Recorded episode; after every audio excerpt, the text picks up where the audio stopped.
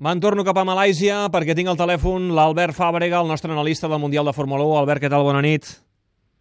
Molt bona nit. La cursa d'aquí no res a les 10 del matí i la gran pregunta que es fan molts aficionats al motor i a la Fórmula 1, això de Mercedes durarà gaire? Eh, els tindrem al capdavant dels entrenaments i de les curses durant molt de temps? Doncs jo crec que sí. L'avantatge que ha acumulat Mercedes en aquesta pretemporada i tot aquest treball que varen fer al final de la temporada passada està donant els seus fruits i són molt superiors en molts àmbits. Són molt superiors amb la potència del motor, en tots aquests sistemes de gestió, tots aquests softwares que gestionen no solament el motor, sinó aquests sistemes de recuperació d'energia, tant de,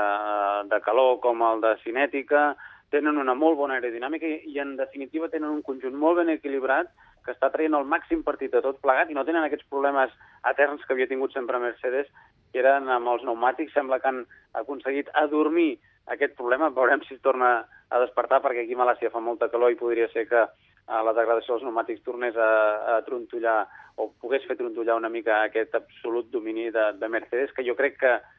almenys fins que no arribem a Europa, fins que no arribem a Barcelona,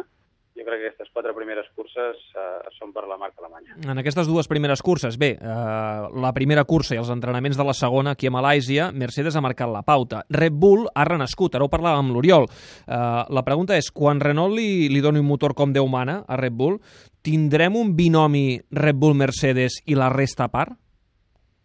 Doncs no ho sabem. Uh, el que sí està clar és que, Mercedes, uh, que Red Bull té un monoplaça que funciona molt bé aerodinàmicament, per les dades que hem pogut extreure dels pocs quilòmetres que van fer en aquesta pretemporada. Però les dades que hem pogut extreure a Austràlia i les que hem vist aquí uh, uh, d'aquí a Malàcia són que aerodinàmicament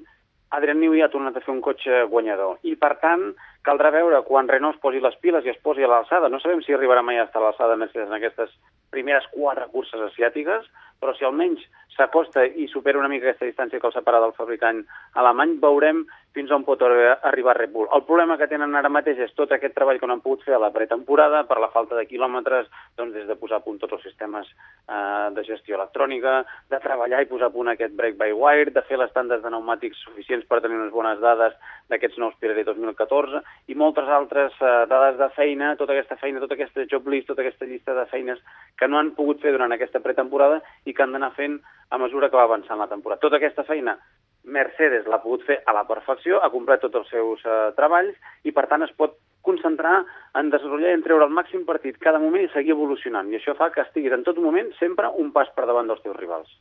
Deixa'm-li preguntar David, perquè l'he vist que està seguint a Mr. I, és a dir, el senyor Eccleston pel, pel pit lane, i aquestes declaracions, contradeclaracions dels motors de les sis vàlvules, que no sonen com els de les vuit vàlvules, s'està tornant a replantejar una mica el fet d'introduir uh, canvis als motors perquè recuperi aquell so i sobretot perquè recuperi velocitat uh, als monoplaces que hem vist que són gairebé dos o tres segons més lents que, que els de la temporada passada. Bé, hi ha diversos factors que hem de tenir en compte per uh, veure aquesta diferència de, de temps per volta que tenim entre la temporada passada i aquesta. Uh, per un costat, i és evident, és que tenim uns uh, nous motors, uns nous propulsors, que encara els equips han de treballar molt i, per tant, hi ha molt de camí per recórrer. Jo crec que encara tenim un segon, un segon i mig d'aquí a final de temporada uh, a recórrer respecte als motors, però atenció, hi ha hagut una, regla, una reglamentació 2014 que penalitza molt l'aerodinàmica, una ala davantera més estreta, s'han prohibit els uh, difusors bufats, aquests escapaments que també ajudaven uh, a, la, a la part posterior del, del difusor a treure eh, més downforce i, per tant, a tenir una, una aerodinàmica més potent. S'han canviat els pneumàtics que són més durs i que, per tant, a nivell de prestacions i a nivell de, de temps per volta també eh, són més lents i aquest gran canvi, tot això, ha comportat que encara tinguem per davant molt de camí eh, per recórrer. Una altra cosa és la fressa, aquesta fressa que, que ara està eh, sobre la taula, que als afeccionats eh, no els agrada aquesta nova fressa de la Fórmula 1, bàsicament provocada per al turbo, que és com un fre, com, un,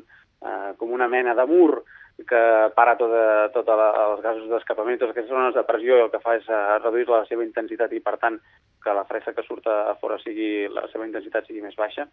I, i ara, en aquest moment, Misteri, quan vam poder parlar amb ell en el, eh, en el, en el pit lane, doncs el que ens deia és que, que ho estan treballant, que ho estan mirant, que és una solució que s'ha de buscar, que són conscients de que això no agrada, però que ens hem d'acostumar, que ens hem d'acostumar i que trobar una solució no serà fàcil. Han de posar d'acord tots els uh, fabricants de motors i sobretot hi ha una cosa importantíssima, que aquesta modificació que es faci, evidentment, afavoreixi l'espectacle, però que no perjudiqui a cap dels uh, fabricants perquè hi ha molts diners invertits, porten molt de temps treballant en aquests propulsors i qual qualsevol modificació que es faci a partir d'ara uh, s'ha d'agafar en peus de plom i ha de tenir, sobretot, que estigui uh, apoyada per totes les vertents i per totes les vessants i per totes les... Uh, les columnes que suporten aquesta Fórmula 1. I ep, jo entenc els aficionats, eh, que quan vas a un circuit això ha de sonar Fórmula 1, i si no sona Fórmula 1, malament rai. Um, escolteu, uh, els entrenaments han estat passats per aigua, ja sabem que a Malàisia, en aquesta zona del, del planeta, uh, és imprevisible uh, saber quan plourà i quan no plourà. Per tant, no sé si preguntar-vos per la previsió meteorològica de cara a demà, uh, però evidentment uh, la cursa serà una o, o una altra si tornem a tenir, Albert, una, una aiguat com el d'avui als entrenaments. Sí, sí, això posa de cap per avall qualsevol planificació, qualsevol estratègia o qualsevol eh, previsió que puguem tenir eh, sobre la cursa. Mm, si plou, eh, podem veure un ball de bastons com el que hem vist avui, que s'hagi hagut de retrasar la cursa, si això es produeix a mitja cursa, òbviament Charlie Whiting no té cap dubte i la, eh, el que prima sempre és la seguretat i, per tant, eh, no, li trema, no li tremolarà gens el pols a l'hora d'aturar la cursa eh, si és necessari. Si no plou, aquí per primera vegada aquesta temporada ni a Bahrein ni a Austràlia van aparèixer els problemes d'aquesta degradació important dels pneumàtics, podríem assistir a un nou escenari, veurem com ho afronta Mercedes, té un avantatge important, però això podria ser un d'aquells factors que li podrien fer tremolar una mica aquest domini absolut que té sobre el Mundial, i jo crec que, que aniria bé una mica d'aquestes condicions perquè tinguéssim una mica d'emoció, que si no es produeixen jo crec que ara mateix està tot sentenciat, si no és que la fiabilitat, que ha sigut tan important en aquesta pretemporada i en aquesta primera cursa, eh, fa tombar alguns eh, d'aquests favorits. Doncs demà pendents d'aquesta segona cursa del Mundial de Fórmula 1 a partir de les 10 al circuit de Sepang, la segona cursa de la temporada. Albert Fàbrega, moltíssimes gràcies, bona nit. Bona nit, gràcies a vosaltres.